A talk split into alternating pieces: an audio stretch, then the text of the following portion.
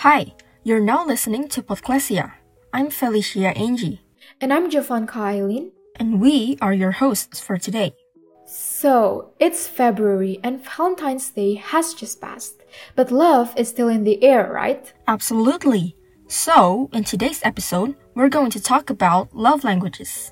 But first, what is love language and why is it so important? Well, according to a book titled The Five Love Languages by Dr. Gary Chapman, different people with different personalities give and receive love in different ways.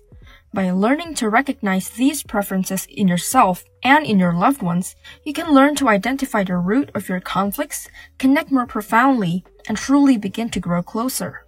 As we mentioned before, there are five primary love languages that people speak, which include words of affirmation, quality time, physical touch, acts of service, and receiving gifts.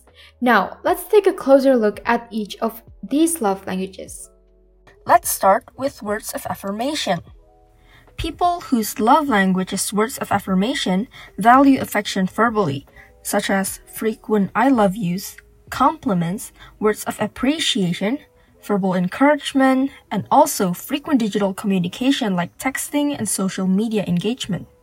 And so, if your loved one's love language is words of affirmation, you can make their day by sending them uplifting quotes, love notes, and cute text messages. Don't forget to compliment them or point out what they do well. Moving on to quality time. This love language is all about being present and giving undivided attention, without the distraction of cell phone, television, or any other external interference. People with this love language have a strong desire to actively spend time with their significant other, having meaningful conversations or sharing recreational activities.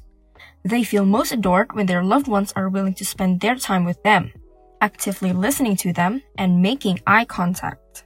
So the key is undivided attention, right, Angie? Yes, you are very correct.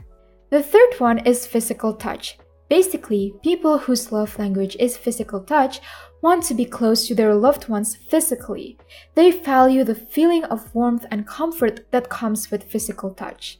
Physical intimacy and touch can be incredibly affirming and serve as a powerful emotional connector for people with this love language.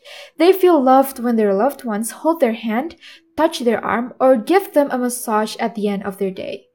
But unfortunately, we're still in the middle of a pandemic, so please minimize physical contacts because health comes first.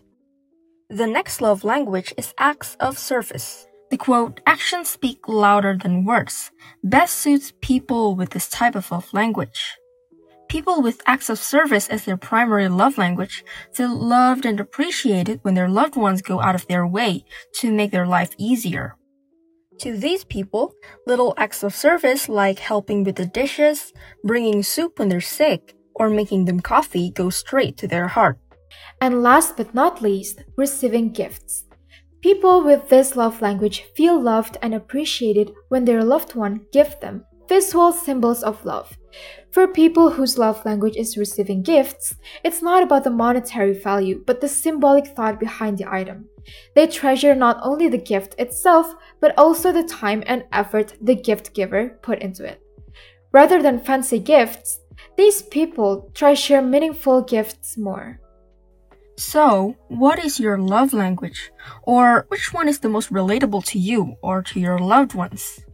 If you want to know more about love languages, or you are still not sure about what's yours, or you want to know what love language your loved ones speak, you can visit and take the official 30 questions quiz as the, at www.fivelanguages.com. Don't worry if your love language is different to your loved ones, because the key of every relationship isn't about having the same love language, but it's all about the willingness to understand and learn each other's love language. Unfortunately, we have come to the very end of our podcast. We hope this episode can help you understand your loved ones better, especially about the love language they speak. Remember that understanding is the nature of love. That's all from us. Thank you for tuning in and see you in the next episodes. Bye. Bye.